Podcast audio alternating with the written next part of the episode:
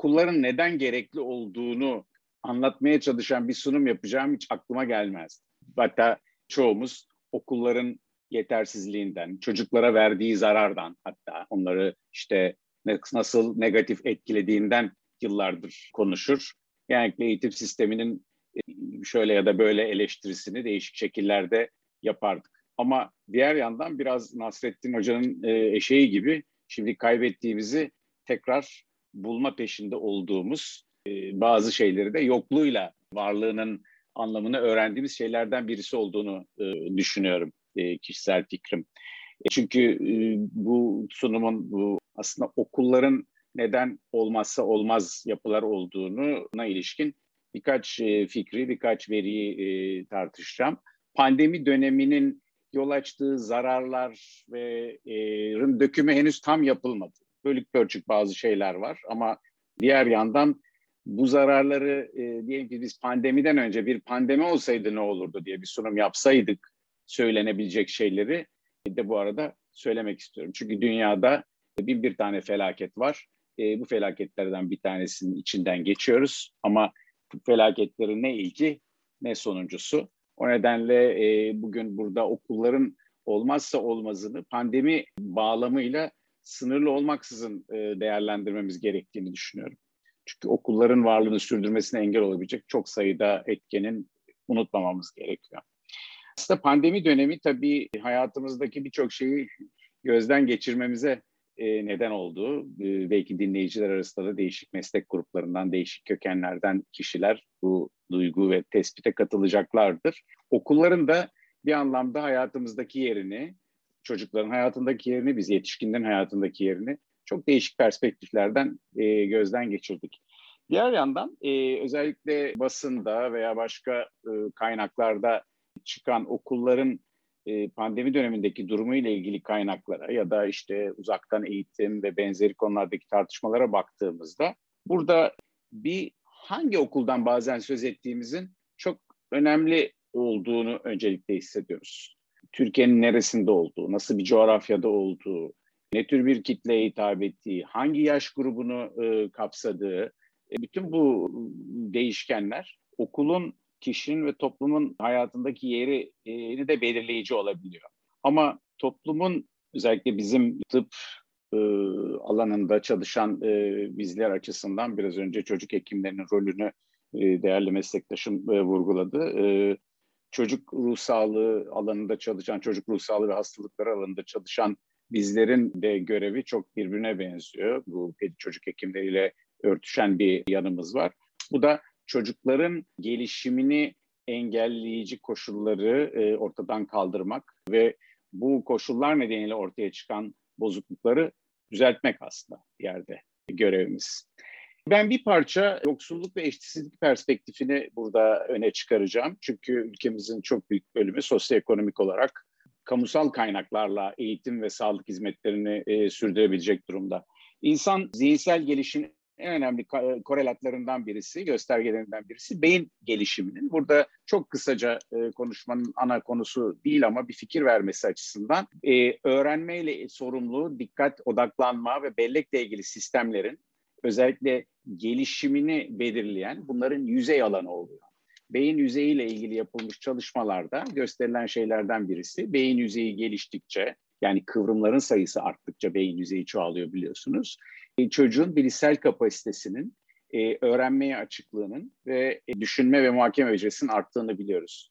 Bu da gelir düzeyiyle birebir orantılı, birebir orantılı bir durum. O nedenle e, burada yoksullukla öğrenmeye zemin teşkil eden e, beyin gelişimi arasında bir ilişki var. Ve bu aynı zamanda bunun anne babanın eğitim düzeyiyle de beyin yüzeyi arasında bir ilişki olduğunu gösteren çalışmalar var. Bu bizim için neden önemli? Çünkü şu grafiğin şu sol tarafında yer alan e, grubun okul ve okulla sunulan imkanlardan en çok okul bunlara en çok ihtiyacı olan ama bunlardan yararlanıp yararlanmadığı genellikle örneğin işte sınav sıralamalarında efendim e, dereceye giren çocuklar listelerinde vesaire pek öne çıkmayan konular. Aynı şekilde beyin gelişiminin, sosyoekonomik durumun, örneğin depresyon gibi ergenlik döneminde belirginleşen, ortaya çıkan bir ruhsal bozuklukta sadece ergenlik döneminde olmanın değil, sosyoekonomik olarak dezavantajlı bir durumda olmanın da bu durumu arttırdığını biliyoruz. Yine aynı şekilde yoksulluk ve beyin gelişiminin doğrudan doğruya akademik başarısızlığı doğurduğunu kanıtlamış. Bunlar 2015, 16, 17'de yapılmış çalışmalar. Bu bizim için neden önemli? Çünkü buradaki en önemli sorulardan birisi şu. Okul kime en çok lazım? Çünkü hep şikayet ediyoruz. İşte bazı insanlar okulların açılıp açılmamasını önemsemiyorlar. İşte tatilleri mi daha önemli? İşte çocuklara yeterince önem verilmiyor. Çünkü burada aslında okulun kime lazım olduğu sorusu, kime en çok lazım olduğu sorusu üzerinden karar alıcıların ve bizler gibi e, bilim ve sağlık alanında çalışanları düşünmesi gerektiğini düşünüyorum. Çünkü okulların geliştirici etkisi yoksulların, düşük sosyoekonomik düzeyde olanların hayatında olana göre çok çok daha fazla. O nedenle okulun en büyük getirisi, aslında bir sosyal getiri bu. Ama biraz önce belirttiğim gibi o sosyal pozisyon, beyin gelişimini, başarıyı ve bilişsel işlevlerin ne noktada olduğunu belirleyici olduğu için buradaki en güçlü determinant olan sosyoekonomik determinanta odaklanıyoruz. Okulun bu anlamda özellikle yoksulluk ve eşitsizliğin arttığı modern toplumlarda burada doğudan e, ya da geri kalmış diye tanınan ülkelerden bahsetmiyorum. Örneğin Amerika Birleşik Devletleri gibi, e, Türkiye gibi eşitsizliğin giderek arttığı ve toplumsal huzuru ve barışı da zorlayıcı bir noktaya geldiği yerlerde okulun eşitleyici bir yararı oluyor. Çünkü okulun varlığı iyi kötü herkes için hani hala Türkiye'nin yüzde doksana yakınının iyi kötü benzer şartlarda eğitim almaya çalıştığını düşünürsek bu e, eşitleyici yararı sağlaması için okulun açık olması gerekiyor. Ve okulun katkısı kümülatif olarak ortaya çıkıyor. Yani okula bir gün iki gün gittiğiniz için okuldan yararlanmıyorsunuz. Okulda sene başındaki yararlanmayla sene sonundaki yararlanmanın eğitsel ve psikolojik gelişim açısından neredeyse iki üç katına çıktığını biliyoruz. İşin ilginci okul devam edildiği ölçüde fayda sağlayan bir yer ve en çok fayda sağladığı grup sosyoekonomik düzey, düzeyi düşük kişilerken okula devamsızlıkta en çok sosyoekonomik düzey düştükçe artan bir parametre. Bu özellikle Covid döneminde değişik e, yerlerde yayınlanan gözlemler ve istatistiklere bakıldığında özellikle okula devamsızlığın birçok çocuk grubu için çalışma hayatına atılma, ev emekçisi olarak yer alma veya okuldan kopma şeklinde durumların özellikle yoksul, kalabalık ailelerde, dezavantajlı e, kesimlerde bunun daha çok olduğunu gördük. O nedenle okulların açık olması sadece eğitim görmek, sınavlara hazırlanmak vesaire açısından değil, Türkiye yani ülkemiz ve başka ülkeler için de geçerli. Toplumun barışını ve dengesini bozucu en önemli etken olan eşitsizliğin giderilmesi açısından da önemli. Ve bu eşitsizliğin biliyoruz ki e, çocukların psikolojik, sosyal ve e, biyolojik gelişimi için gerekli olan bazı mekanizmalara erişimlerini e, de zorlaştırdığını biliyoruz. Örneğin 5-12 yaş çocuklarının okulda olmasının onlara faydası ne? Niye okulda olmaları gerekiyor? Niye bunu başka kaynaklardan almıyorlar? Bu yaşta çocuklar ne kazanır diye baktığınızda birkaç tane ihtiyaçları var. Öz denetim yani kendini tutma, bekleme, sabredebilme, bir sürecin sonuna kadar durabilme gibi Türkiye'den hepimizin çok şikayet ettiği ama hepimizin de belli ölçülerde bu konuda zaafların olduğu konulardan birisi ülkemizde. Trafiğe bakabilirsiniz bunun için anlamak açısından. Ve aynı zamanda da çalışmayı öğrenme dönemi.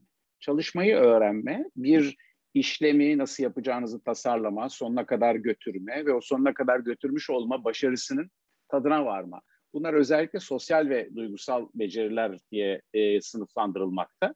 Bunlarla baş başa giden tabii ki temel okuma yazma ve matematik becerileri ve buna dayalı olarak gelişen muhakeme ve dünyayı anlama yetileri oluyor. Şimdi bunun olmasının için nasıl bir ortama ihtiyaç var? Sınır, sınırların sağlandığı, tutarlı mesajların verildiği ve çocukların kendini güvende hissettiği yer.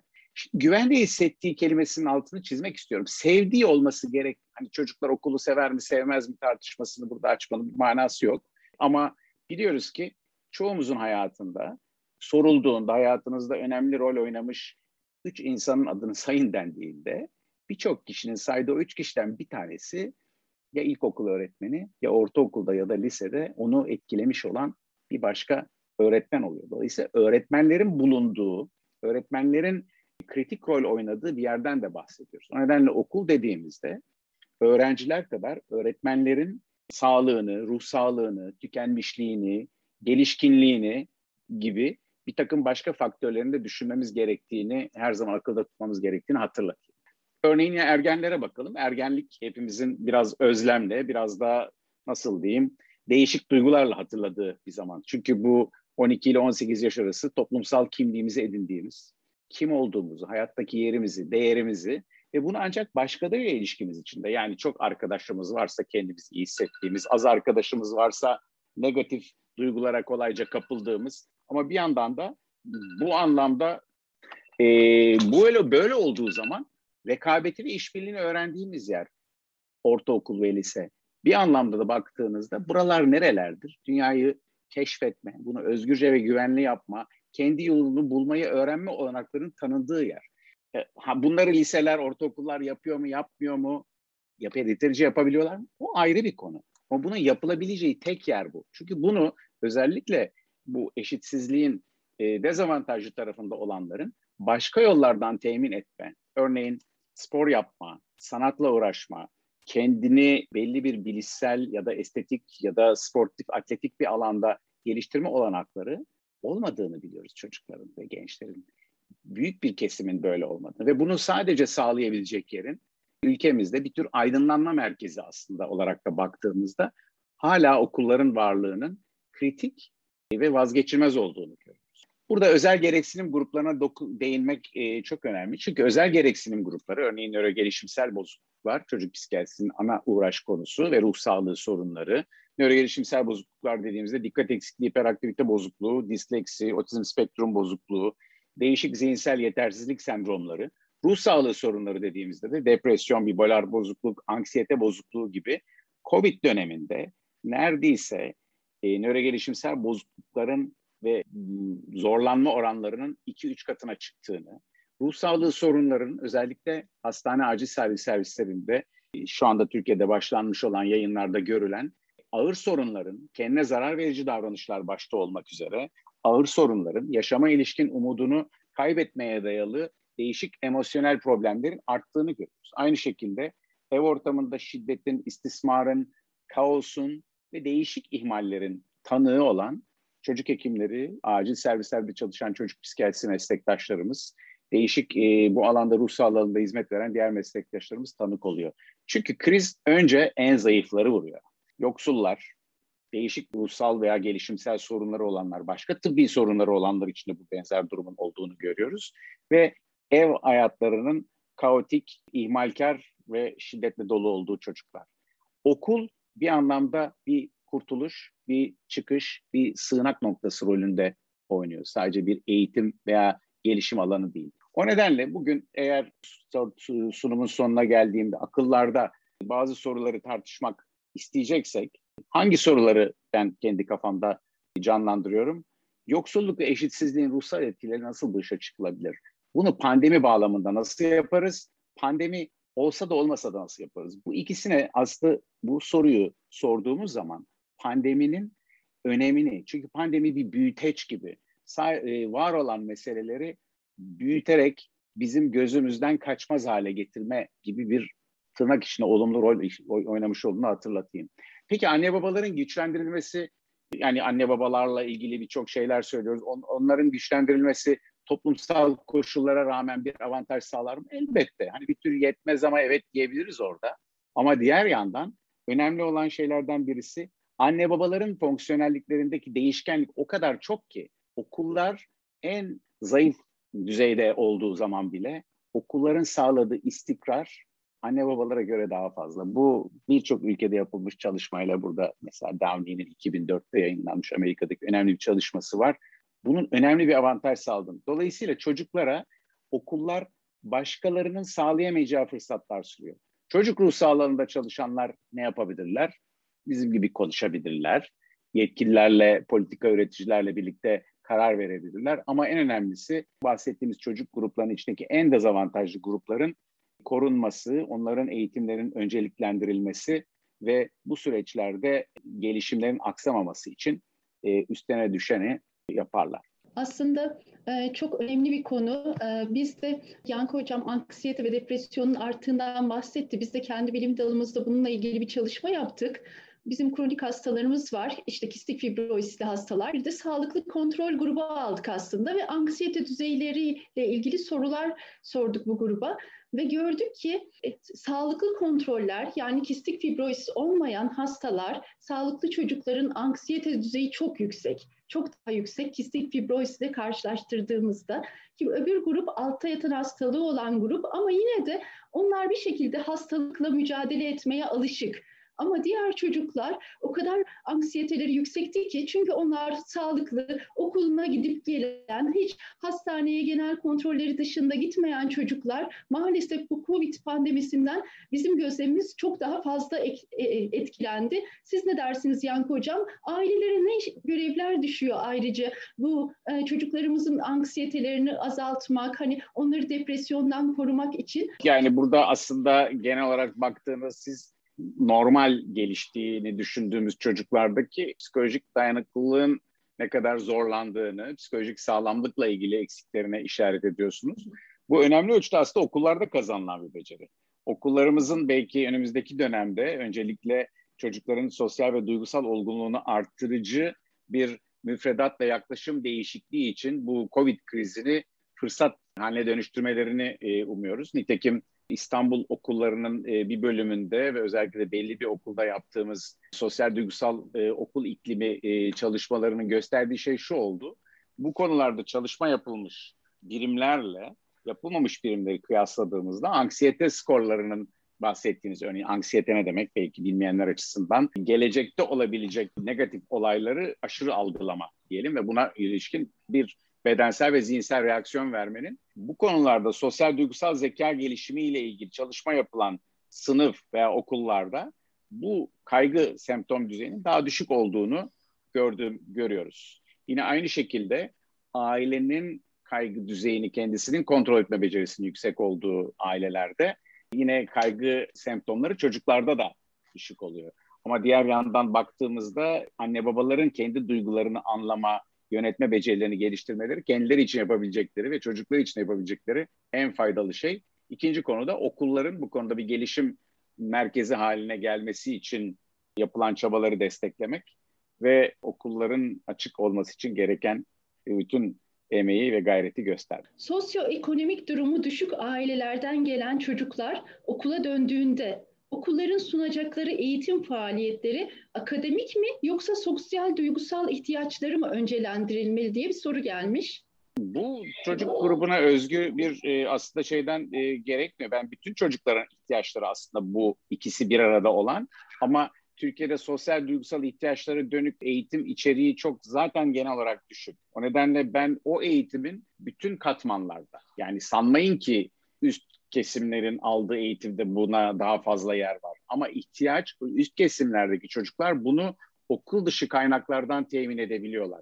Öyle bir şansları var. Ama ben burada yoksullara özgü bir ayrı müfredat ya da eğitim düzeninden ziyade bütün okullarda yapılacak iyileştirmeden en çok düşük sosyoekonomik seviyedekilerin yararlanacağını düşünüyorum. Da bu kadar önemli olan ve çocuğa kritik faydalar sağlayan okulların açılması konusunda neyi yanlış yapıyoruz ki hala tereddütler var diye sormuş Yeter Akbıyık. Bu konunun uzmanları olarak neyi eksik yaptık ki bu kadar kayba bizler de katkı sunduk ve bundan sonra ne yapalım ki geri dönüş olmasın. Yani okullar açılsın ve açık kalması için e, neler yapabiliriz diye sormuş Yeter Akgün. Bu çok daha geniş bir tartışmanın herhalde e, içinde cevaplanması faydalı olacak. Ancak şunu e, teslim etmek gerek. Yönetimler değişik ülkelerde sadece ülkemizde de değil yani işin kötüsü.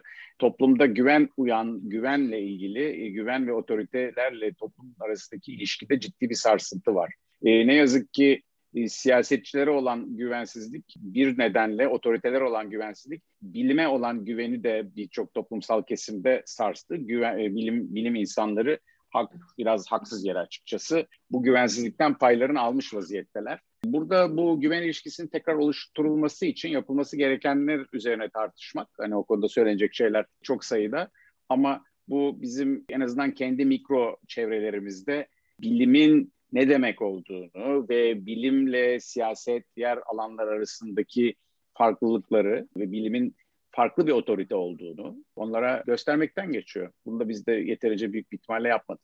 Daha önceki zamanların bir birikimi bu bize şu dönemin değil. Ama bir yandan da bu dönem bir e, birçok kişi de bilimin çıkış yollarını sağlama konusunda bütün diğer alternatiflere göre aslında en sağlam, en güvenilir olduğunu gösterdi. Buna inanmayanlar olabilir. Sesleri de çok yüksek çıkıyor olabilir. Hı hı. Ama evet. çoğunluğun bir anlamda güvenini kazanma yolunda çok ilerlendiğinde birçok böyle anketler değişik ülkelerde e, göstermekte. Özel e, gereksinimli çocuklar için bu dönemde aileler için neler önerirsiniz? Aslında çok önemli bir konu. Siz de başta vurguladınız. Kesinlikle öyle. Yaklaşık özel gereksinimi dediğimizde yaklaşık %15-18 civarında çocuktan bahsediyoruz. Neredeyse her 5 çocuktan 5-5,5 çocuktan bir tanesi özel gereksinim durumda en az. Ve zaman zaman da geçen gün bir benim şimdi lise yaşına gelmiş hastalarımdan birisinin deyişiyle hocam biz eskiden özel gereksinimler olarak az sayıda çocuktuk. Şimdi çocukların, bütün öğrencilerin çok büyük bölümü özel gereksinimli oldu. O nedenle şu anda bence bütün okullardaki çocukları, bütün öğrencileri özel gereksinimli kabul ederek hareket etmemiz, yüklerini, onlara yaklaşımımızı, yüklerini ayarlamayı ona göre yapmamız, eski havaları çalmaktan vazgeçmemiz gerekiyor. Bu anlamda özel gereksinimli çocukların anne babaları mücadelecilikleriyle, çocuklarına destek olma becerileriyle aslında sizin biraz önce kistik fibrozlu çocuklarla diğerlerini kıyasladığınızdaki gibi bu ailelerin kendi çocuklarında değişik sorunlar yaşamış ailelerin şimdiye kadar böyle sorunları yaşamamış ya da yaşadıklarının farkında olmayan diğer ailelere yol gösterici bir rol oynamasını, liderlik yapmasını bekliyorum.